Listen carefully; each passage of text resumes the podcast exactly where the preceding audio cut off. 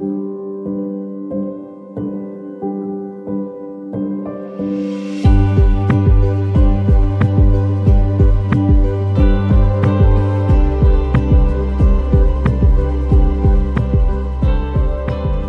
הגשר מדברים פוסט-טראומה, איתנו היום יונתן ניר, יוצר אה, סרטים אה, דוקומנטריים, האחרון שבהם אה, הקבוצה של אה, אלכס, על אה, קבוצת פוסט-טראומטיים, אלכס ליבק, אנחנו מכירים, אבל אלכס ליבק אחד מגדולי צלמי העיתונות בישראל, ויונתן בעצם עשה את הסרט הקבוצה של אלכס, הוא ידבר עליו גם בהמשך.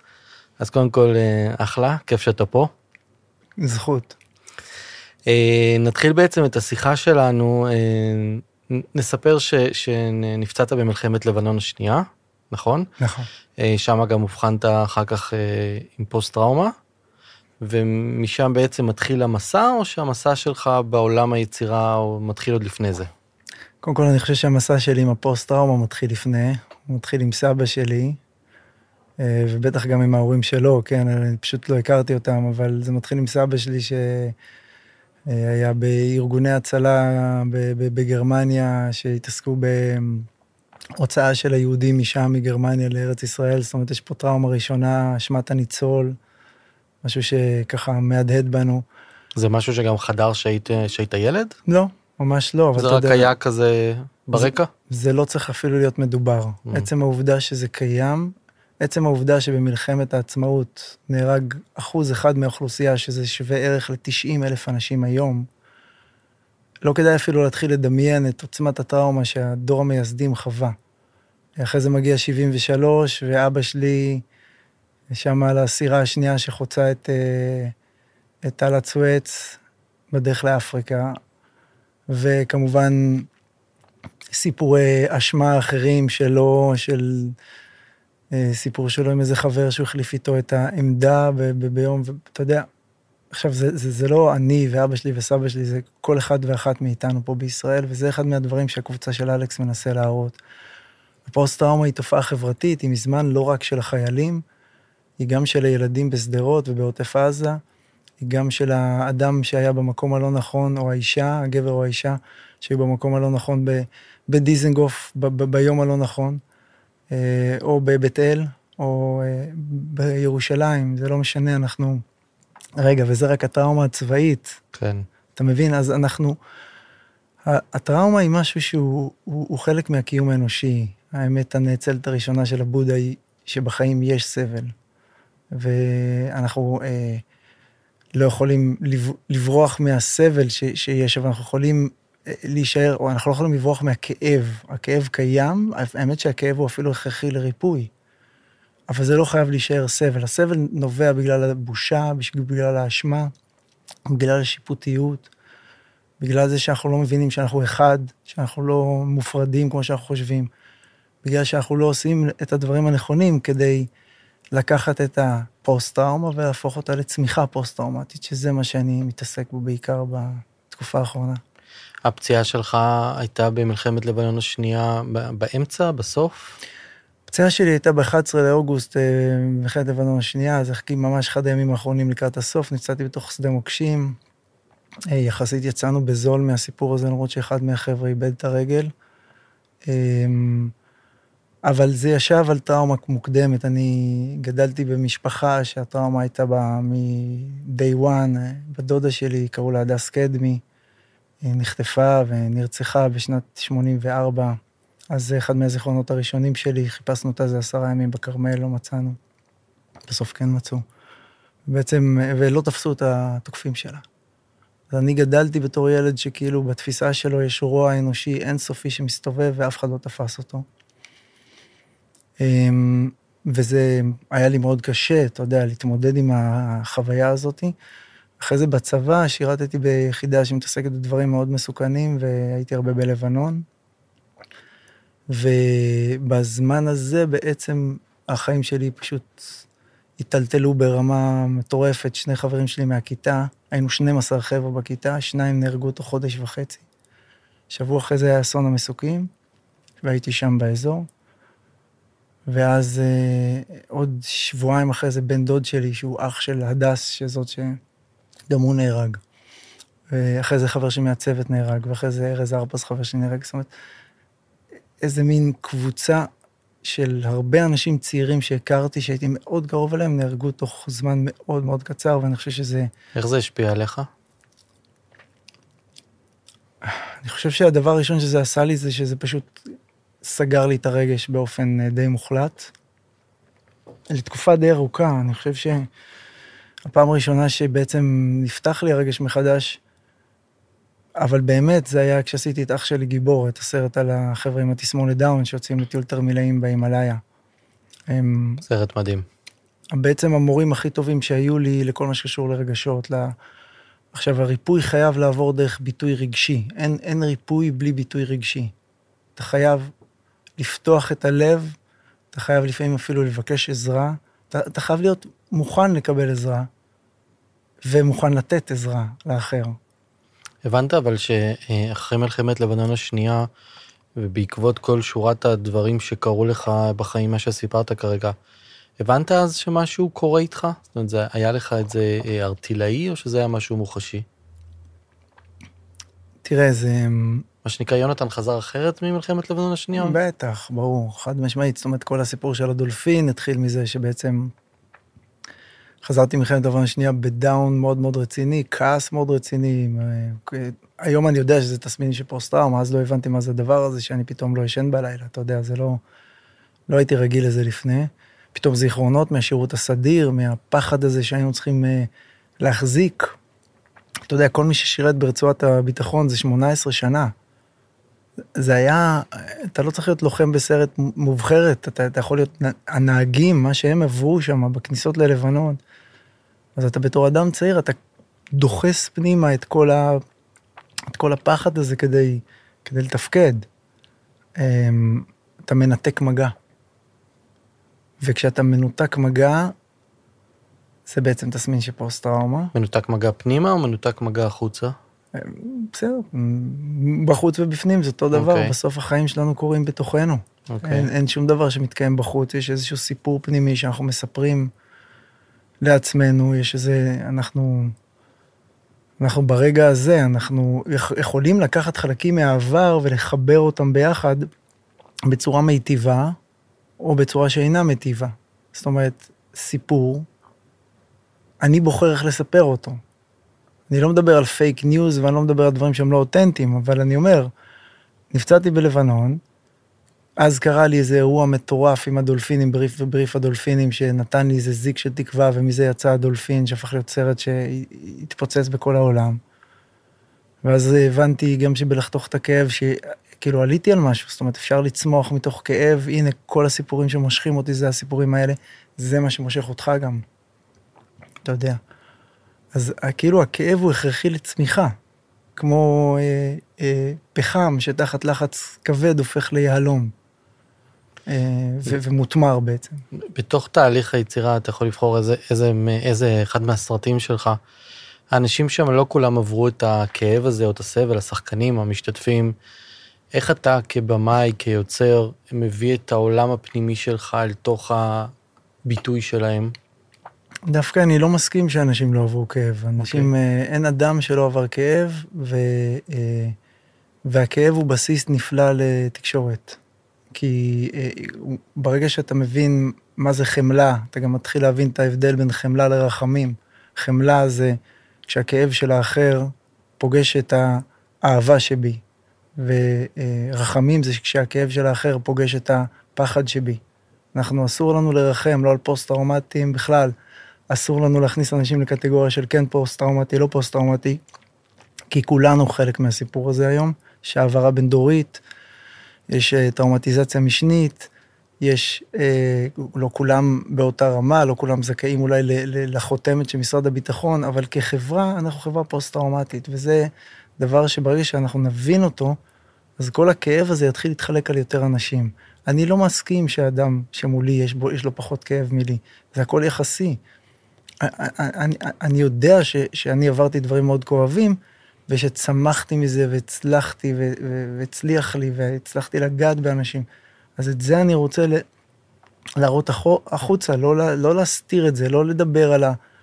לא לא להאמין שהאחר גם מסוגל לעבור תהליך של צמיחה, להפך. אה, לא מעט אנחנו עוסקים כאן אה, אה, במקום שנוצרה הטראומה, ואחר כך הפוסט של הטראומה, ובעיקר גם לקבל השראה איך אה, מתמודדים. אני, אתה אמרת את המילה מצליח, לא כל האנשים שיושבים בכיסא אה, שאתה יושב בו מסוגלים להגיד את המילה אני מצליח. חלקם הם שורדים, חלקם מתמודדים. אה, אני לא אבקש את המדריך לטיפים להצלחה, אבל נגיע לזה תוך כדי השיחה שלנו. אה, מעניין אותי דווקא הסרט האחרון שעשית, אה, הקבוצה של אלכס עם אלכס ליבק הצלם. אז אם תוכל קצת לספר עליה, וממנה קצת נוכל להרחיב טיפה על המשתתפים שהיו שם ומה קרה שם. בטח. אז קודם כל הקבוצה של אלכס זה פרויקט שלא התחיל איתי, אלא התחיל הרבה לפניי. אלכס ליבק זמר... אה, צלם. צלם, זוכה פרס ישראל. אה, באותה תקופה הוא התגורר בערבה, והוא הוזמן על ידי אגודת הידידים של אה, בית החולים לב השרון, מרכז רפואי לב השרון, בית חולים פסיכיאטרי, על ידי אורלי דנקנר, שאז הייתה יושב ראש אגודת הידידים, אה, לבוא ולהעביר שם סדנה, מין קבוצת רכבת כזאת של מאושפזים בבית החולים שלומדים צילום, פוטותרפיה. מתוך בעצם הפוטותרפיה עוברים תהליכים טיפוליים מאוד מרשימים, ואני הוזמנתי לעשות שם, הם עשו את זה שמונה שנים לפני שאני הייתי מעורב, כן? ואז קיבלתי את הטלפון, וסיפרו לי שאלכס עושה את זה בהתנדבות מלאה. אמרתי, אוקיי, אם בן אדם עושה משהו בהתנדבות מלאה, אני, אני רוצה להיות חלק מזה. ובאתי לשם, הצלחנו אה, לייצר את הסיטואציה שעשינו שם סרט פנימי מאוד נחמד של 17 דקות. שהם היו מאוד מבסוטים, אני הייתי מאוד מבסוט, ואמרנו, אולי אפשר לקחת את הדבר הזה לציבור. נתקלנו קצת בקשיים מבחינה בירוקרטית, והתחילה הקורונה, וכל מיני עניינים קרו, ובסופו של דבר הדבר נדחה שנה ושנתיים, אבל אז כאילו החלטנו שהולכים על זה, ואמרנו, טוב, בוא נעשה קבוצה של אנשים שהפוסט-טראומה הישראלית נגעה בהם, שזה כמעט כל אחד ואחת מאיתנו, בדרך כזו או אחרת.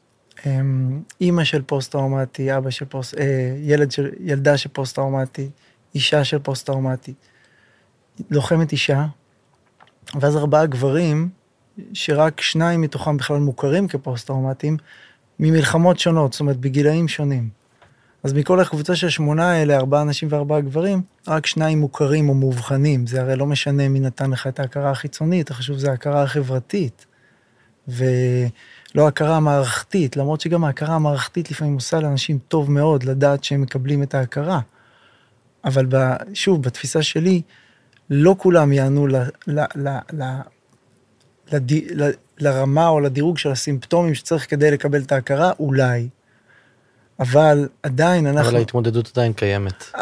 הסימפטומים קיימים, אז סימפטומים של פוסט-טראומה יכולים להיות ניתוק רגשי, דיברנו על זה קצת, אני אפילו חושב שהציניות הישראלית היא חלק מהפוסט-טראומה שלנו. אמ, יש לנו את האשמת האחר, האשמת העצמי, יש לנו את אה, הימנעות, הימנעות ממקומות הומי אדם, ממקומות שמזכירים לנו, יכולים לעורר איזה טריגר. סיוטים, פלשבקים. יש פלשבקים, יש סיוטים, יש דברים נוספים, אבל יש גם ראייה פסימית של החיים. יש גם אה, כעס. כמה כעס יש בחברה הישראלית? כמה פילוג, כמה קיטוב, אנחנו יכולים להאשים עד מחר בבוקר את הפוליטיקאים, זה מתחיל בנו, זה מתחיל מלמטה. זה מתחיל בלקום בבוקר, אתה צלם, אז אתה מבין על מה אני מדבר. כשאנחנו מצלמים, אנחנו יודעים ומבינים שמישהו מפעיל את המכונה הזאת, את המצלמה הזאת, את העדשה הזאת, שקוראים לה עין, או את המיקרופונים האלה, שקוראים להם אוזניים, או את החדר עריכה המאוד מתוחכם הזה שנקרא מוח. אנחנו מייצרים, כותבים את סיפור חיינו.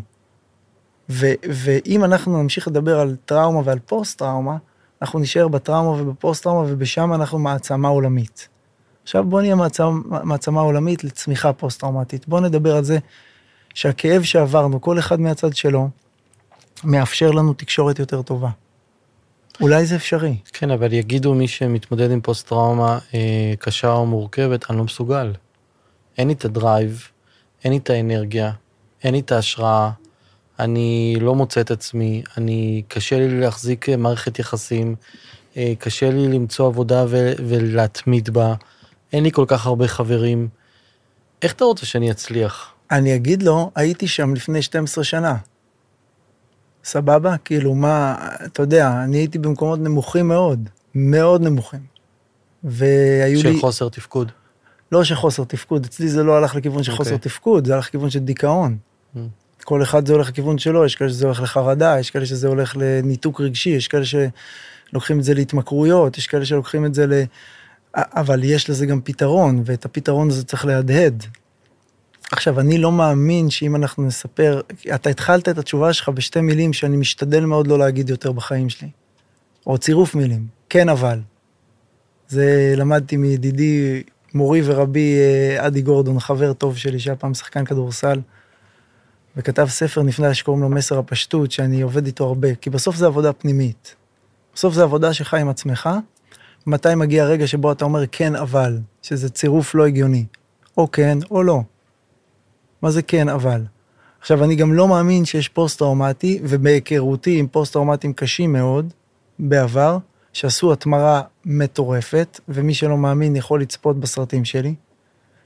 והם באמת מספרים סיפור אמיתי, הם דרך אגב לא הסרטים שלי, הם סרטים של הרבה, תמיד אני שונא את השימוש הזה, זה סרטים של צוותים גדולים שעובדים ביחד, אבל בסופו של דבר אני חלק מזה, ובכולם מסופר סיפור, בסופו של דבר הצמיחה פוסט-טראומטית.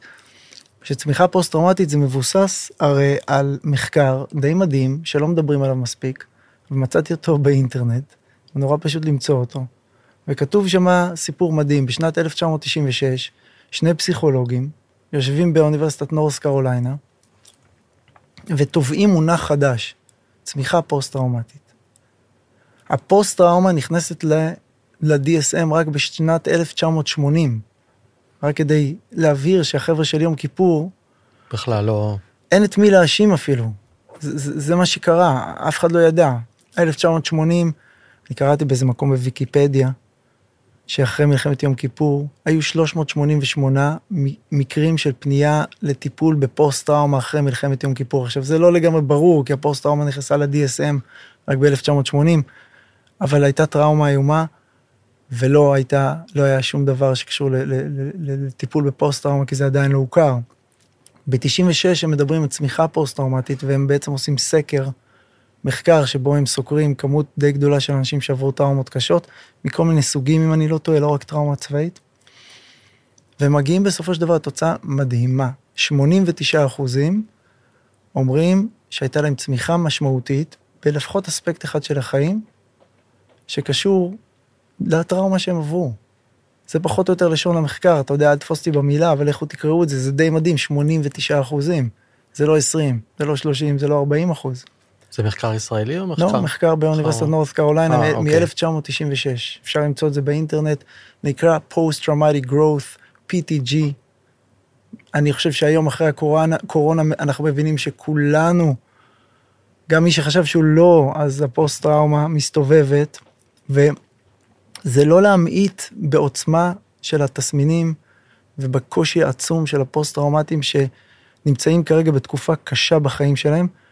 אבל לבוא ולהמשיך להדהד סיפור של אני ומלחמתי במשרד הביטחון, זה לא הסיפור הנכון, זה תודעה קורבנית. אנחנו כן יכולים לרפא את עצמנו, יש לנו את הכוחות הפנימיים, יותר מזה, עצם העובדה שהיינו בצבא והיינו לוחמים והיינו, עברנו דברים קשים, הנפש שלנו עברה דברים מאוד קשים, אז עדיין תמיד יכול להיות קצת יותר טוב מאתמול בבוקר. ו- וצריך לזכור את זה וצריך להזכיר את זה לאנשים. כל הזמן, כי, כי, כי מאוד קל לשכוח במציאות so called שמקיפה אותנו, שמורכבת כמובן מ, מדברים שהם קשורים אלינו גם הרבה פעמים, למה אנחנו מזמנים. אם אני יוצא החוצה עצבני, כי לא ישנתי כל הלילה, יקרו לי דברים קשים. אוקיי? תגיד, שהתחלת אה, לעבוד על, אה, על הקבוצה של אלכס, איך, איך כיוצר מתחילים לפרק את היצירה שמתעסקת בפוסט-טראומה? הרי ידוע שזה נושא שהוא כבד. אז איך בעצם אתה ניגש לדבר הזה, אתה, אתה עם עצמך? שמע, כל הסרטים שלי התעסקו בזה. אני התעסקתי ב-15 שנים האחרונות בפענוח המכניזם של, של הפוסט-טראומה, של התופעה הזאת, שהיא כל כך מוכרת, ו... המנטור שלי לפוסט טראומה ולדוקותרפיה, שזה תחום שככה הייתי חלק מהפיתוח שלו, זה יורם בן יהודה, הוא היה ראש היחידה לתגובות קרב הרבה מאוד שנים, והוא אמר לי משהו מאוד חזק לקראת היציאה של הסרט הזה. הוא אמר, אתם, אה, יש לכם הזדמנות אה, לעצב את התודעה באופן קצת אחר, באופן מיטיב יותר, אה, בהקשר של פוסט-טראומה. ולא הבנתי בדיוק על מה הוא מדבר בהתחלה, אבל אז כשהתחלתי להבין על מה הסרט שעשיתי, כי זה לא קרה לי בחדר עריכה, לא, אתה יודע, חדר עריכה העבודה הייתה אינטואיטיבית מאוד עם אייל צרפתי, העורך הגאון, עם אה, יוני גודמן שעשה את ולסים בשיר, וכנס העתידנים שעשה לנו את האנימציה, שמעבירה את הצופה איזשהו תהליך אה, תרפויטי בעצמו, אני מקווה. זה לפחות התגובות שאנחנו מקבלים מהצופים, שנשארים גם אחר כך לשיחה, אתה יודע, לשיחה איתי על, על, על, על מה הסרט הזה בעצם ניסה להגיד. כי הסרט הזה ניסה, ניסה קודם כל להכניס אותנו תחת מטריה אחת. אנחנו לא נפרדים בדבר הזה, ימין, שמאל, מזרח, מערב. כאב זה כאב, זה כאב, זה כאב, זה כאב. אתה יודע, אנשים באים לעולם הזה וחווים סבל, ו- וצריך להכיר בזה, צריך להסתכל על הבן אדם בעיניים, בגובה העיניים, אתה צלם, אתה יודע מה זה אומר, לצלם בגובה העיניים, זה מה שאלכס ליבק אמר לי. גם אם אתה מצלם מלמטה, שזה יהיה בגובה העיניים, או מלמעלה. הוא אומר, אני בדרך כלל מצלם מלמטה, כי אני יותר נמוך, אבל... יש משהו ב, ב, בלהסתכל על הבן אדם ו, ובאמת להיות איתו, ולחבק אותו, ולהגיד לו, וזה בדיוק מה, הפוך מה שלימדו אותנו בצבא, אתה יודע. וזה הפוך מה שהחברה הישראלית לימדה אותנו כל כך הרבה שנים. אז זה איזשהו שינוי שאני חושב ש... שקורה, לפחות בהקרנות, אני פוגש יותר ויותר אנשים שמבינים שאתה יודע, בשמה הארוך, הפוסט-טראומה נקראת תסמונת דחק פוסט-טראומטית. זה קורה הרבה מאוד בגלל שמדחיקים. ברגע שהבושה והאשמה יורדים, אז זה נהיה הרבה יותר פשוט. אני הבנתי בשלב מסוים שוואלה, אני פוסט-טראומטי, עשר שנים לא דיברתי על זה, כן, ב-2010 הוכרתי, 2020 דיברתי על זה פעם ראשונה. און סטייג' אמרתי, יש לי איזושהי תכלית, כאילו, אני יכול לספר לאנשים סיפור שהוא באמת קרה לי, כאילו, עברתי דברים מאוד מאוד מאוד קשים בחיים שלי, והיום אני מאוד מאוד מאושר. ואני לא חושב שהאושר הזה יכול להגיע אם לא הייתי עובר דרך כל, ה... כל הכאב הזה. אז כל מה שצריך לעשות, לשכנע בן אדם זה שהוא כבר עבר את הנקודה הכי גרועה, ומעכשיו זה, זה הולך להשתפר, ויהיו עוד נפילות, כי המציאות בטח במדינה הזאת, כל הזמן מציגה לנו את זה, אבל אנחנו בפנים בוראים את המציאות שלנו ב, כמו צלם שמחליט איך הוא ממסגר את התמונה, או איפה הוא שם את הפוקוס, או איך הפרספקטיבה, או כמו מראיין שמחליט איזה שאלה לשאול. אז זה אותו דבר, זה ככה אנחנו צריכים לצאת לרחוב בבוקר, להבין ש... וזה קצת כמו סרט דוקו, ואני חושב שבגלל זה אני התמקצעתי בזה, כי אני דוקומנטריסט, אז בסוף כאילו... איך נולד החיבור בין דוקו לתרפיה בהלכה למעשה שאתה על הסט? הרי הם מדברים, האנשים, יש תסריט, הם, אה, הם, אה, כל אחד אה, יש לו את הרפליקה שלו, או שיש איזו אינטראקציה וקורה. לא. איזו התרחשות? קודם כל דוקומנטרי אין... התסריט נכתב כל הזמן בדוקומנטרי, הוא נכתב ב... תוך כדי תנועה? כשאני, לא יודע, נוסע על אופניים ב... ב... ב... באזור שבו אני גר ופתאום עולה לי איזה רעיון. אני בדרך כלל, דרך אגב, לא כותב, אני, אני זוכר. במה שאני שוכח, אני אומר, סבבה, כפרות, הייתי כנראה צריך לשכוח. אבל אני, אני, עולה לך רעיון, ואז אתה חושב איך מוצאים איזה ביטוי אודיו-ויזואלי. זה המון עניין של זיכוך הנרטיב, זיכוך ה... זיכוך הכוונות, זיכוך הכוונות, זיכוך המניעים לכוונות. לראות מאיזה מקום אתה מספר את הסיפור, ושהמקום הזה לא יהיה מקום שישאיר את הצופה עם, עם, עם טיפת ייאוש. כי אז לא עשיתי את העבודה שלי. ובכל זאת, אם אנחנו נכנסים רגע לקבוצה, הם... טוב, אני אספר רגע את החוויה שלי. זה היה ביום הזיכרון, והיה... אני בדרך כלל ביום הזיכרון לא רואה את הסרטים ואת כל המוזיקה המלנכולית ברדיו והדברים האלה, או שזה תלוי במוד, או שלפעמים אני רק רואה את זה באובססיביות פרק אחרי פרק, כן, דברים, כן, over over over ניתן בתוך הדבר הזה ואז ראיתי אה, באחד הערוצים אה, אלכס ליבק אמרתי וואו זה קטע צילום אלכס זה, זה מאוד מעניין. התיישבתי בסלון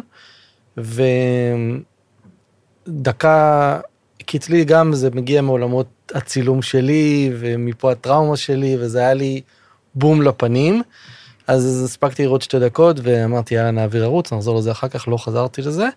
ורק כשהתחלנו להתחבר אני ואתה אז עשיתי איזושהי אה, הצלחתי לראות עד הסוף אה, זה כי סתם החוויה שלי לא לא שהסרט יכול להיות שמישהו יחווה את הסרט הזה אחרת לגמרי. אבל כן זכרתי שאמרתי לא הייתי צריך לראות אותו בסלון.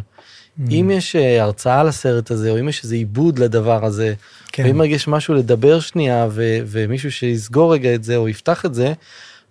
ואז ראיתי גם שיש הרצאות איתך אחרי הסרט אז כמובן לשם אני אגיע.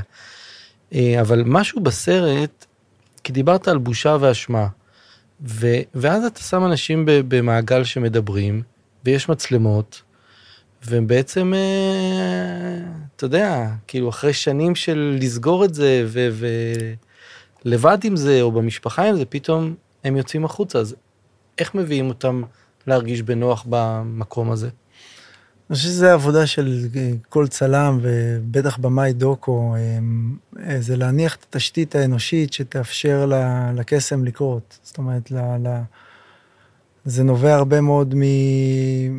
שוב, זה עבודה פנימית. אני, רוב העבודה שלי היא עבודה פנימית. אני בן אדם לא טכני, יש לי טלפון, משקפי שמש וזהו, כאילו, אני לא, אני לא מחזיק ציוד של צילום ואני לא יודע לצלם. זאת אומרת, צילמתי כמה סרטים, אבל אני... לא מתעסק בזה יותר. אני, אני חושב שהעבודה שלי היא להניח את התשתית האנושית שתאפשר לתהליכים תרפויטיים לקרות. הקשר בין, דוקותר... בין דוקומנטרי ותרפיה הוא קשר בעיניי אינהרנטי, הוא אי אפשר, כל הדוקומנטריסטים שאני מכיר עושים סוג של דוקותרפיה, גם אם הם לא יודעים את זה ולהגדיר את זה. אני לא מדבר על דוקו פשע, ש, ש, ש, מחזק את החלקים השליליים שבתוכנו. אני מדבר על דוקומנטרי שהתכלית שלו היא מציאה של, של פתרון, של תיקון. לפחות הכוונה, הכוונה היא לעשות תיקון. ואם אתה נמצא במקום הזה, וככה אני באתי לסרט הזה, אני אמרתי, קודם כל הטיפול, ואחרי זה כל השאר. אז אני, תוך כדי הצילומים, בכלל לא הייתי מעורב. ישבתי מאחורי, הייתי בשחרור מוחלט, גם ברמה האישית, עברתי תקופה כזאת של להשתחרר מלנסות לשלוט בסיטואציה ולהבין מה בדיוק. פשוט להיות הכי, הכי פתוח שאני יכול למה שיקרה. והם דיברו. ואני מדי פעם הלכתי לפסיכיאטר, לדוקטור עדי דורון או לאסי האוס, הפוטותרפיסטית, ואמרתי להם, תקשיבו, נראה לי שזה עוסק יותר מדי ב... שוב במלחמה במשרד הביטחון, ראינו על זה הרבה דוקומנטרים, צריך לשנות, בואו ננסה לקדם את זה, ו... אבל זה פחות או יותר הייתי פעם בטיפול כזה, בטח היו עשרה כאלה. הייתי נכנס פתאום ו... ואומר משהו. בסוף הטיפול הוא, זה מה שנקרא בשפה המקצועית, היכל המראות. אתה יודע, אתה פוגש אותי, אני מאיר בך משהו, אתה מאיר בי משהו. אם אנחנו באים ממקום טוב ואנחנו לא נותנים לספקות ולפחדים לנהל אותנו, זה יכול להיות חיבור אנושי נורא נורא פשוט. אבל אנחנו, בגלל שהטראומות של העבר חודרות לנו להווה וסוגרות אותנו, קשה, קשה לנו להתחבר לאנשים אחרים, לחוש את החמלה כלפיהם, לחוש את, ה, את הכאב שלהם לפעמים, ועל הבסיס הזה להתחבר, ואז הדברים הרבה יותר פשוטים. דרך אגב, בכל תחומי החיים, בכל מערכות היחסים, כשאתה מוריד את ה... את ה... כשאתה מתחיל להבין ש, ש, שאתה כותב את סיפור חייך, והעבר, הטראומה, לא חייבת להמשיך להיות זאתי שחודרת לך להווה וקובעת איך יראה העתיד שלך. עכשיו, זה, זה נשמע נורא נורא נורא באוויר, אבל יש המון טכניקות להגשים את זה. אז אני יכול לתת טיפים שעבדו לי. אז זה יכול להיות, ואתה יודע, הזכרת את, אולי את האירוע שאנחנו עושים שבוע הבא, אני לא חושב, יכול להיות שזה בעצם תמחוק את זה, כי זה ישודר אחרי האירוע, אני לא יודע, אבל בגדול הנושא של צמיחה פוסט-טראומטית, שזה מה שאני מדבר עליו בכל המפגשים עם הקהל, אה, הוא הנושא שאנחנו מנסים להחדיר לשיח. יש המון המון עמותות שמתעסקות בזה, חלקן של יחידות מובחרות שפשוט לוקחות אנשים לשוט, או להפליג, או לגלוש, או לצלול צלילה חופשית, אה, או סתם לטייל בטבע, או לרוץ, או סתם לשבת ולדבר. זאת אומרת, יש איזו צמיחה של יותר ויותר ויותר הם, ארגונים שבאים מלמטה, או יוזמות שבאות מלמטה, ושהם של אנשים שהבינו שהדרך לריפוי של החברה הישראלית עובר דרך לפתוח את הלב, לפתוח את הכאב, ולהיות, אה, ואפילו כמעט אה, לייצר שיתוף פעולה על הבסיס של הכאב המשותף. זה לפחות מה שאני מאמין בו, וזה, וזה עובד לי די טוב בחיים, אני חייב להגיד. כאילו, אני פוגש אנשים מקסימים, פוגש אנשים שמאמינים בטוב. רובם עברו, דרך אגב, טראומות די קשות. once אתה תתחיל להפנים את, הר... את, את זה שהצמיחה הפוסט-טראומטית זה רעיון שהולך בכל התרבויות, כולל התרבות העתיקה המהממת שלנו, צמיחה פוסט-טראומטית, גם העם שעבר דרך משהו מאוד מאוד קשה כדי לצמוח ולפרוח, גם האינדיבידואל, זה מתחיל תמיד באינדיבידואל. זה מתחיל בהאם אני מסוגל עכשיו לשים על המצלמה שלי, או על העדשה שלי, או על העין שלי, עדשה של חמלה, ומה אני מחפש, מה אני קם בבוקר ומחפש. אתה יודע, למדתי צילום אצל עמוס נחום, והייתי סטודנט שלו, כזה, התלוויתי אליו לאיזה מסע של צילום של נמרים ופילים. בסרי לנקה ב-2007, מיד אחרי מלחמת לבנון השנייה, שעוד הייתי מפורק לחתיכות. אז קודם כל הקשר שלי איתו נבנה סביב הפציעה, הוא פתאום, זה עורר בו את החווה הסינית, ואז נוצר הקשר ובום, פתאום היה חיבור. וכשהייתי איתו בסרי לנקה, כל בוקר הוא היה אומר לי, תקום ותצלם עשרה פריימים או חמישה פריימים, לא זוכר בדיוק, של יופי. תחפש את היופי, תתחיל לספור את הפרפרים שאתה רואה, את הפרחים שאתה רואה, את הרגעים המדהימים עם הילדים. אז, אז זה שיטה אחת, יוגה, רגישה לטראומה, שאחים ליוגה עושים, כל עבודה עם הגוף. אה, אה, רצים עם רמי, הוא רץ עם מאות אנשים שעברו חוויות לחימה בשבוע בתל אביב ובחיפה. ארגון כבר גדול, זה לאט לאט מגיע למאות ואלפי ועשרות אלפי אנשים. ווואלה, יש לזה קהל. יש לזה אנשים שמוכנים לבוא ולתת חיבוק ולפתוח את הלב. בכל מיני גילאים. יודעים מה זה פוסט-טראומה, מבינים אותך, מבינים אותך, עכשיו, מפה אפשר לנסות לעזור כמה שאפשר לכל מי שהוא, בהתאם למקום שלו, אין פה גם השוואה לאף אחד אחר, אתה יודע. זה הכל, בק... אבל את שאלת אותי קודם, מה הייתי אומר? הייתי אומר, אתם פוגשים אותי לפני 15 שנה, הייתי בן אדם אחר לגמרי. ו... אז, אז כאילו, יש את הפוטנציאל לכל אחד.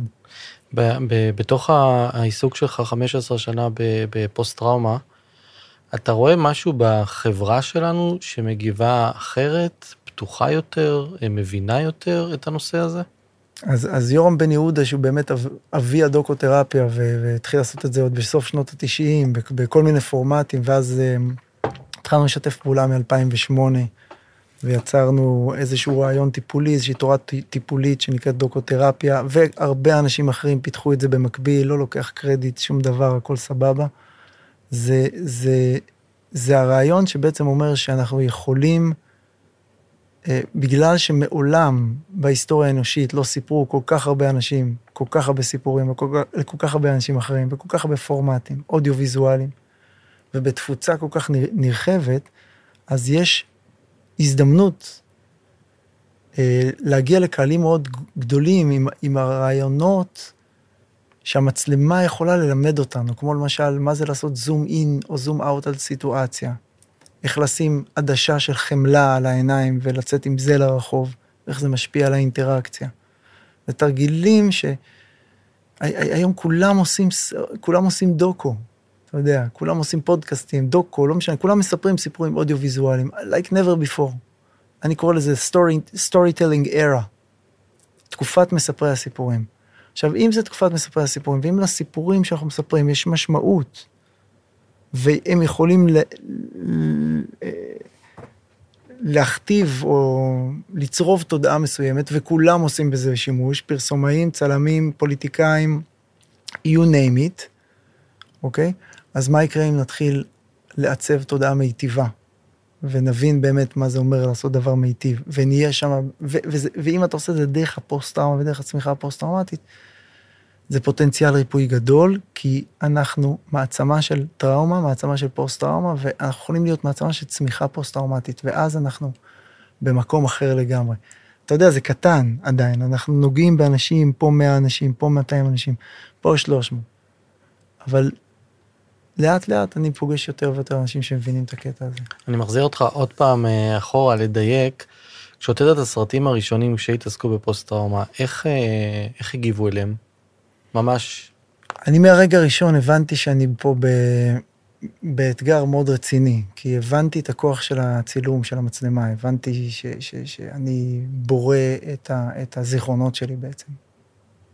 הבנתי את זה כשהייתי הרי פוטו-ג'ורנליסט כמה שנים, עבדתי באז'ן ג'אוגרפיק, מסע אחר, אה, אתה יודע, טבע הדברים, מוסף הארץ, אה, שבע, שבעה ימים, סוף שבוע מעריב, עשיתי כמה עשרות כתבות מצולמות מכל מיני מקומות בעולם, הרבה מאוד צילמתי מתחת למים. הבנתי שהצילומים האלה מייצרים אצלי זיכרונות. ושאני זוכר בעצם את מה שצולם. אם אני חוזר שנייה לירום בן יהודה, הוא אפילו סיפר לי שפוסט-טראומטיים שהוא עובד איתם היום, מתארים לו את הזיכרונות הטראומטיים שלהם בווידאו, בעוד פוסט-טראומטיים מ-73 מתארים בתמונות סטילס בספיה. ו... או בשחור לבן. זאת אומרת, האופן שבו אנחנו משתמשים במצלמה והטכנולוגיה הזאת שמתפתחת כל הזמן משפיעה על הזיכרון שלנו, משפיעה על עיצוב הזהות שלנו, משפיעה על החיווטים שלנו במוח. מה זה פוסט-טראומה? זה איזה חיווט, שריטה, לא סתם אומרים שריטה, אבל יש דרך לכוות מחדש, על ידי סיפורים מיטיבים. סבבה, זה מה שאני עושה בחיים. אז אני מנסה להמשיך להדהד את זה היום, אבל כבר אז שהתחלתי להבין, הבנתי בעצם שאני מתעסק בכוח מאוד מאוד גדול, ושאני צריך להבין מה זה פוסט-טראומה לעומק לפני שאני מתחיל לגעת בזה, כי יש פה המון עניינים אתיים והמון עניינים אה, שקשורים גם אליי, אתה יודע, פתאום זה הציף לי את הפוסט-טראומה, היה לי טראומטיזציה משנית. וזהו, ואז באמת פגשתי את יורם בן יהודה והוא ליווה אותי, דוקטור ערן שדח שליווה אותי. דוקטור אילן קוץ שליווה אותי, זה כולם אנשים ככה, ארז בנאי שליווה, ש, שמלווה אותי כבר הרבה שנים, זאת אומרת, אני לומד מאנשים מאוד מאוד מאוד אה, מובילים בתחום, אה, ו, וקורא הרבה, ומנסה באמת לפענח את המכניזם של התופעה הזאת ולהבין מה אפשר לעשות עם זה, ולבוא ולהגיד, אין סיכוי, זה לא, זה, לא, זה לא טיפול מבחינתי. אז אני אמשיך רגע את הקו שלך, שאתה מדבר על, ה, על ה storytelling של אה, לספר את הסיפור הזה מחדש, או, או של הצמיחה מתוך הדבר הזה. אני זוכר ש-20 שנה סחבתי את העשר שנים שאתה סחבת, אני לא עושה תחרות, אבל סחבתי מבושה. זאת אומרת, אה, בושה ענקית, לא הייתי לוחם בצבא, ואני זוכר שהייתי רק צלם. אה, מדהים שאני עדיין אומר את זה, גם היום רק צלם. כן, עוד... כן, אתה מבין, אתה עדיין מאשים את עצמך, זה אפי, עכשיו, ברגע שאתה מתחיל להבין שאשמת הניצול, או אשמה באופן כללי, האשמת העצמי או האשמת הזולת, הם תסמינים של PTSD, אתה מתחיל להבין שהמחשבה הזאת שהייתה לך כרגע בראש זה לא אתה. זה איזשהו קול, ואתה מתחיל לחקור מי זה הקול הזה שאמר לי את הדבר הזה, ובסוף אתה תגיד לזה שזה טראומת העבר זאתי שקפצה בלי רשות לתוך ההווה שלך, גרמה לך להרגיש לא טוב, וזה לא בסדר.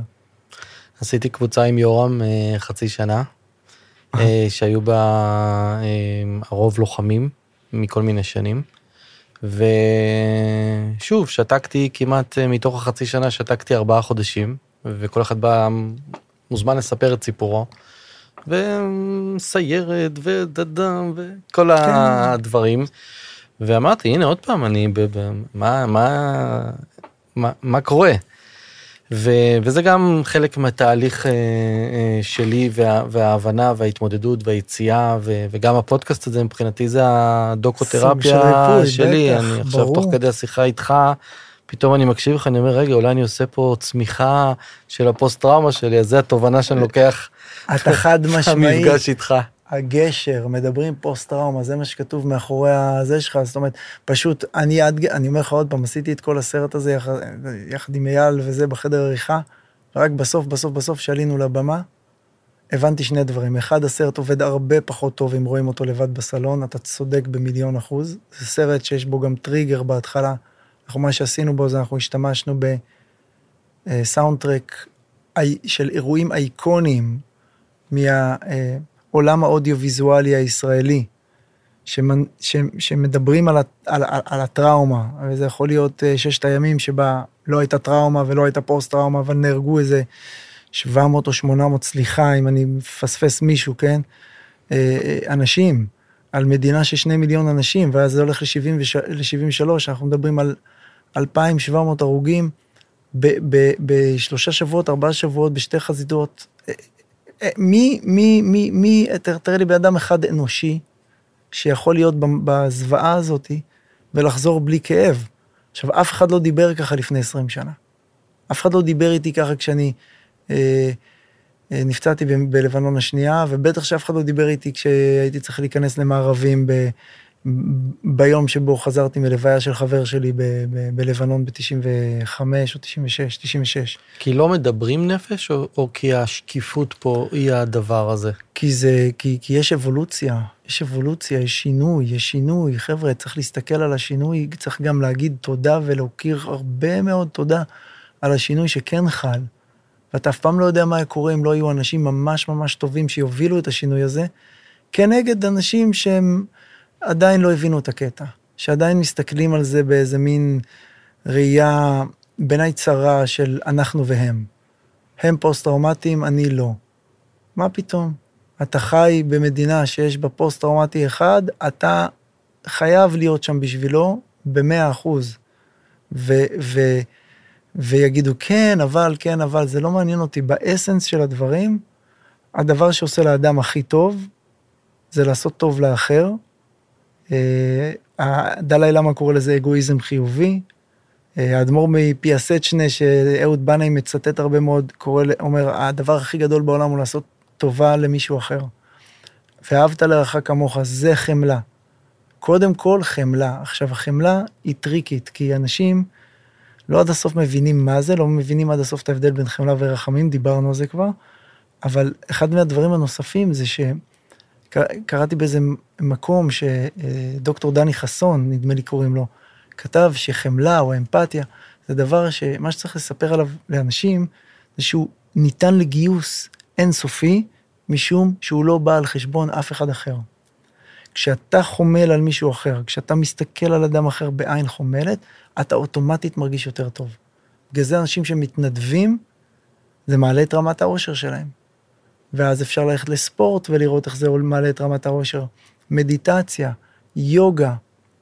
יש אנשים שעשו שינוי אדיר בפוסט-טראומה שלהם ב- עם MDMA או עם פטריות או עם איוואסקה. כל אחד והמקום שלו, לראות שהולכים לתהליכים האלה של הריפוי.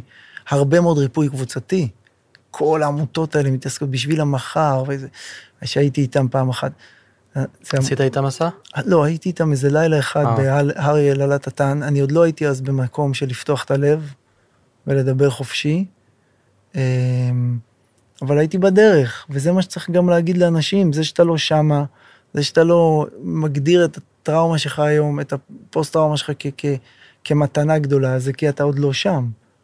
אבל אתה, זה לא אומר שאתה לא יכול להגיע לשם. ו, ובעיקר חבר'ה שהם, גם חבר'ה שהם צעירים וגם חבר'ה שהם מבוגרים, תמיד אפשר שיהיה קצת יותר טוב, תמיד אפשר, זה מתחיל בהכרה. הכרה, הכרה.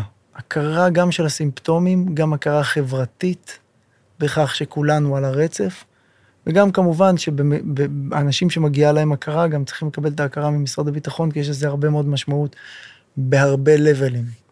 אפרופו ההכרה החברתית, אחרי מקרה איציק סעידיאן, נראה לי שמשהו בציבוריות הישראלית אה, אה, נפתחה קצת יותר למצוקה הגדולה של הפוסט-טראומטיים.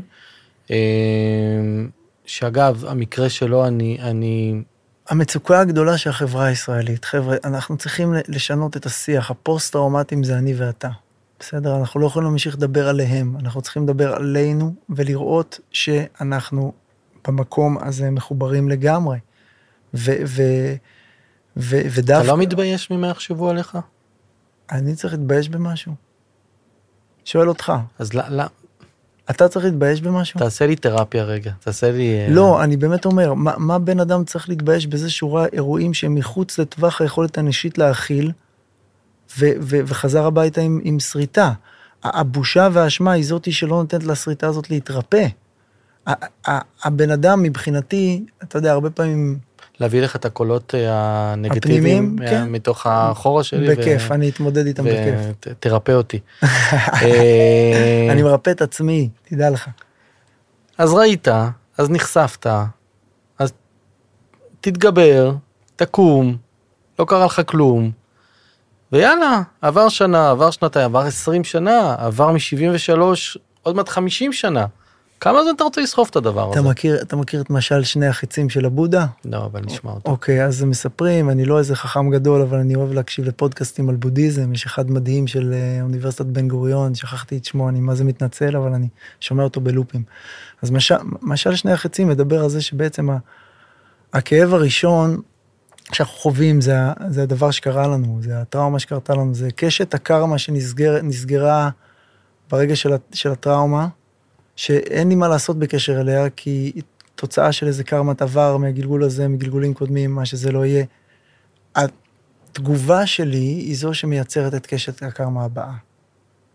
זאת אומרת שהקולות האלה שאתה שומע, הם קולות של הטראומה, וסימפטום של טראומה זה האשמה עצמית, חד משמעית. יש כמעט ואין טראומה, אני לא מכיר טראומה שלא קיימת בהאשמה עצמית, כולל כמובן טראומות מיניות, אנחנו כולנו מכירים את הסיפור על זאתי שהלכה ומאשימה את עצמה על זה שהיא לבשה מיני באותו, באותו ערב, כן? אז אתה, קודם כל אתה לא לבד. זה הדבר הראשון שאמר לי הפסיכולוג שנכנס למיטה ב... בבית חולים זיו ב-2006 אחרי שנפצעתי. אמר לי קודם, והוא ראה אותי מפורק לגמרי. ובעיקר מאוד כועס, מאוד כועס, והיו לי סיבות טובות לכעוס. והוא אמר לי, קודם כל אתה לא לבד. דבר שני, אה, כשאתה יוצא מפה, ת... אה, לא, דבר שני, מה שאתה מרגיש הוא נורמלי, יש לזה שם, קוראים לזה אשמת הניצול. Survivor's Guilt. עכשיו זה משהו שהוא כמעט, אתה יודע, שדיברתי עם דוקטור הירשמן שהולך להנחות את האירוע שאנחנו עושים לעמותות, עכשיו ל-18 עמותות בסינוטק תל אביב, אה, סביב הסרט, אז הוא אמר לי, אמרתי לו, אתה יודע שלפי ספר של אקאר טולה, שנקרא ארץ חדשה, מאוד מומלץ, במאה ה-20 היו 120 מיליון הרוגים במלחמות. תחשוב איזה עוצמה של טראומה. אז הוא אמר לי, זה שום דבר, אתה יודע ש... שמחקרים מראים שברגע זה ממש מסתובבות מיליארד נשים שנאנסו, שהותקפו מינית. זאת אומרת, הטראומה האנושית היא כל כך עמוקה. והצמיחה, האופציה לצמיחה פוסט-טראומטית, היא בעצם, ה, מבחינתי, הפתרון ל, ל, לרוב הבעיות שהאנושות נתקלת בהן בימים האלה. זאת אומרת, חמלה, אנושיות, ענווה, עצומה, אה, להרגיש שאנחנו חלק ממשהו שהוא הרבה יותר גדול מאיתנו. אמ, יש פה משהו שקורה במדינת ישראל בחודשים האחרונים, שמאוד מביא את הכל לקצה, אני יודע, אני מרגיש את זה, אני שומע את האנשים, אבל אני, אני מאמין שלאט לאט יותר ויותר אנשים מבינים את הרעיון של חמלה, של אנושיות, של... ויכולים להסכים על הערכים האלה, כי זה גם, זה, גם, זה גם מה שכתוב בספרים שלנו. ואז אולי יכול להיות פה גם גשר בין הימין ובין השמאל וכל מיני כאלה, סביב הנושא של הכאב של הפוסט-טראומה כתופעה חברתית. אז לא להגיד הפוסט-טראומטיים, אלא להגיד אנחנו כחברה ישראלית שחיה במצב של מלחמה כבר 75 שנה, בלי שנכנסנו לשואה ולמה שהיה לפני. אה, זה רק הגיוני שנהיה במצב המורכב שאנחנו נמצאים בו כרגע, צריך סבלנות, צריך לעבוד לאט לאט עם אנשים, לא צריך לייצר איזה מצג שווא כאילו מחר בבוקר הכל יהיה בסדר. הבן אדם צריך לעשות את העבודה עם עצמו בסופו של דבר. אתה מגיע ללא מעט אה, אה, פסטיבלים אה, בחו"ל ומציג את הסרטים שלך. איך הם מתקבלים שמה? באיזה עיניים מסתכלים על זה? שמע, הסרטים, אתה יודע, עשו הרבה דברים. מרשימים וייחודיים גם, אתה יודע, דולפין זה סרט היחיד שאולפני דיסני קנו את זכויות התסריט שלו. אח שלי גיבור זכה בשני הפרסים הראשונים בפסטיבל הבינלאומי בסנטה ברברה, שזו פעם ראשונה ויחידה שדבר כזה קורה. קיבלתי את הפרס מהעורך של אה, פורסט גאמפ, הוא אפילו. הסכים להצטרף, להצטלם איתי ב- באוטו, הוא אמר שבדרך כלל לא עושה את זה, אבל אה, הוא חשב שאני נחמד. ואחרי זה, אתה יודע, הסרטים הגיעו לאו"ם, הסרטים הגיעו ל... זכינו בפרס, ש- פרס הצילום של האו"ם, זכינו ב... כאילו... אני מבחינתי, אין לי איזה עניין לזכות בעוד פרסים. לא, אבל השאלה שלי, בחו"ל זה פוגש את זה, את הפוסט-טראומה של כל מדינה, או שהם מסתכלים על ישראל הבנתי בתור אותך, מקום הבנתי כזה? השאלה, עכשיו הבנתי את השאלה. אז, אז, אז פוסט טראומה זה עניין אוניברסלי, אבל אנחנו מע- מעצמה, אנחנו מובילים בהכל, כמו בכל דבר, אנחנו גם בזה מובילים. גם ב shit אנחנו מבינים. אנחנו מעצמה של טראומה, אי לכך מעצמה של פוסט טראומה, וכרגע צריך לכוון לזה שנהיה מעצמה של צמיחה פוסט טראומטית, ואז נוכל להיות גם אה, להראות את זה החוצה. אני כן יכול, הקבוצה של אלכס עוד לא תרגמנו אותו לאנגלית, פשוט מעניינים תקציביים אין לנו כסף, ואני לא מתכוון להשקיע בסרט הזה יותר, כבר השקעתי בו מספיק, למרות שאני לא מפיק שלו, אני רק במאי שלו. אה, ונגיע לאנשים לאט לאט, ואני משער שנגייס כסף גם לעשות גרסה אה, אמריקאית. הסרטים הקודמים, תמונת חייו, זה סרט שמאוד מאוד הצליח בחו"ל, אה, והוא גם מדבר על אה, צמיחה פוסט-טראומטית פר אקסלנס, כאילו, אתה יודע, אין יותר צמיחה פוסט-טראומטית מתמונת חייו.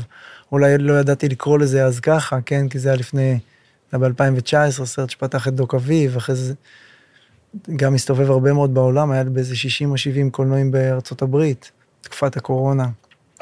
אז, והכל סובב סביב טראומה והחלמה, וסביב האדם, הקשר בין האדם לטבע, שזה בעיניי גם איזשהו מפתח ל, לריפוי. איך אתה מתכנן למשל את הפרויקט הבא שלך? אמ, הוא כבר רץ בראש? אני, כן, אני, יש לי, יש לי, יש לי כמה דברים שאני עובד עליהם כרגע, אבל אתה יודע, הכל יכול להשתנות כל רגע נתון, זה חלק מהתפיסה שלי, אתה, אני, אני חי ברגע, אה, ו... ו... אבל השאלה שלי, אתה נכנס לפרויקט, אתה עושה רק אותו, או שתמיד זה במקביל לעוד אני כמה דברים? מרגיש, אני מרגיש, אני רק מרגיש, אני עובד עם הלב, אני, אני לוקח לפעמים דברים על עצמי שאין להם שום היגיון כלכלי, אבל אני מרגיש שהם נכונים. כל המיזם, יש לי מין, מי- זה לא שלי, זה שוב, זה מיזם שבו צוות גדול, כבר לא, לא נזכיר את כולם, אבל זה מיזם ש, ש, שבעצם אנחנו מקרינים סרטי דוקו ישראלים, אה, בשיתוף פעולה עם הערוצים הישראלים, אה, אונליין, ואז פוגשים את הבמאי או הבמאית לשיחה איתי, שזה שיחה על דוקו, אבל בעצם זה שיחה על החיים, כמו שאנחנו עושים כרגע, ועל דוקותרפיה ועל צמיחה, ועל... בזה אני מתעסק, זה מה שאני חוקר. לעשות סרטים זה רק קאבר, אתה יודע, זה לא משהו שבאמת, כן. אני כאילו רואה את עצמי כ... כ- כהבנתי, זאת אומרת, אני מתעסק בעיצוב תודעה אודיו-ויזואלי. ואם אני אצליח, מצליח, ואמשיך ל- לעשות עיצוב תודעה מיטיבה אודיו-ויזואלית, תודעה אודיו-ויזואלית מיטיבה, אז אני בייעוד שלי, אני במקום שלי, וזה לא אכפת לי מה יהיה הביטוי החיצוני וכמה מהר זה יקרה ולאן זה ייקח אותי, ואם אני אזכה בפרסים או לא אזכה בפרסים, או אם אני ארוויח כסף או לא ארוויח כסף. זה כאילו, אבל אני כן יכול להגיד לך שאני עובד עכשיו בפרויקט. אמ, אתה יודע מה, אני לא אגיד את זה, כי אנחנו עוד לא יצאנו לתקשורת עם זה, אז אני לא אגיד את זה. אנחנו עובדים על פרויקט שמנסה לקחת את הדוקותרפיה. אה, זה מה שאמרתי לך, שאני לא אדבר עליו, זה, זה סרט, זה, זה סדרה מהמם. גדולה, אבל, אבל אנחנו כן לוקחים את הרעיון של הדוקותרפיה, שבאמת כותב- כותבים עליו עכשיו, כתבה עליו אה, שלווית שמחה, אה, כהן שמחה, דוקטורט באוניברסיטת אדינבורו, על הרעיון הזה של שימוש בכלים הדוקומנטריים כדי ל- לסייע בתהליכים של שיקום, העצמה, ריפוי. אה, גם כן על הבסיס של אנחנו, כמו שגבריאל גרסיה מרקס אמר, אה, החיים הם לא מה שחיית, אלא האופן שבו זכרת אותם כדי לספרם. זאת אומרת, אנחנו יכולים, כל אירוע שקרה, לספר אותו, אם מצליחים לגייס חמלה וסליחה ומחילה ואהבת אדם, וגם בעיקר לעצמנו הרבה פעמים, כן? עוברים תהליך עם אנשים ועם צוות שמבין לאן לכוון את זה, אז פתאום אתה יכול לייצר איזה, איזה פודקאסט או איזה...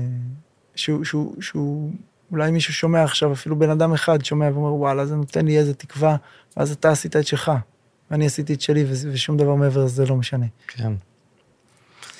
אה, וואו, נראה לי אפשר לשבת איתך ככה עוד כמה שעות, אבל אה, בוא נזמין את המאזינים שלנו ואת הצופים שלנו להגיע להרצאות אה, שלך. לשמוע את ה... לצפות בסרטים שעשית, אז תעשו יונתן ניר בגוגל ותקבלו את התשובות לדברים האלה. אנחנו נתראה בהרצאה שאתה עושה בסינמטק, אני ממש מסוקרן להגיע לשם. מעולה. רק דבר עם אלמוג שתארגן לך כרטיסים. אז תודה רבה על שיחה מלאת השראה ותודה שכאילו סידרת לי קצת את המחשבות שרצו לי בראש. קרקעת אותם ועשית לי קצת סדר, אז תודה רבה על זה. יש, יש, יש הרבה, הרבה, הרבה, הרבה דרכים. יש המון דרכים, ואני, לשמחתי, העבודה שלי מאפשרת לי ללמוד מכל כך הרבה סטורי טלרס.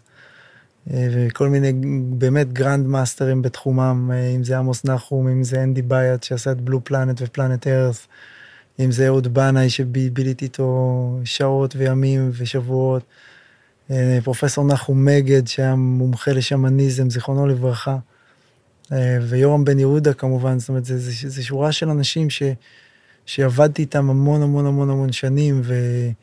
אני משתדל את החוכמות ש, ש, ש, שלמדתי מהם, וזה הכל קשור לעיצוב תודעה מיטיבה באמצעים אודיו-ויזואליים, שזה בסופו של דבר ה, ה, המקצוע שלי, אני מרגיש, ו, וגם לחבר בין אנשים טובים. זאת אומרת,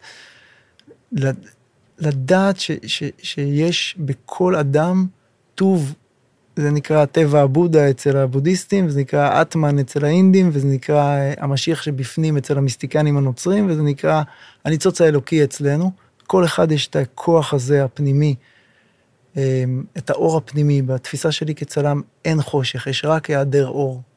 ו, ו, ופשוט למצוא באדם מולך את הדבר הזה, את הניצוץ הזה, ולגדול ביחד. זה הקאץ'. זה, זה, זה, ברגע שאתה תופס את זה, כאילו, אתה מרגיש את זה עכשיו, אני מרגיש את זה עכשיו, זה עובד. רק פשוט קצת יותר סבלנות, קצת יותר חמלה, קצת יותר אנושיות, ואולי זה מתחיל דרך זה שאתה חושב על זה ש, שכרגע התייחס אליך לא יפה ברחוב, מיד, מכריח את עצמך. אה, לחשוב עליו אה, עם הילד שלו, לחשוב עליו עם אימא שלו, לחשוב עליו עם אבא שלו, לחשוב שאולי הוא עבר משהו נורא קשה בחיים, ואז אתה פתאום פחות כועס, ואז פתאום הוא פחות כועס עליך. גדול. תודה רבה, יונתן, אין עליך. יאללה, בן אדם. תודה. צ'או.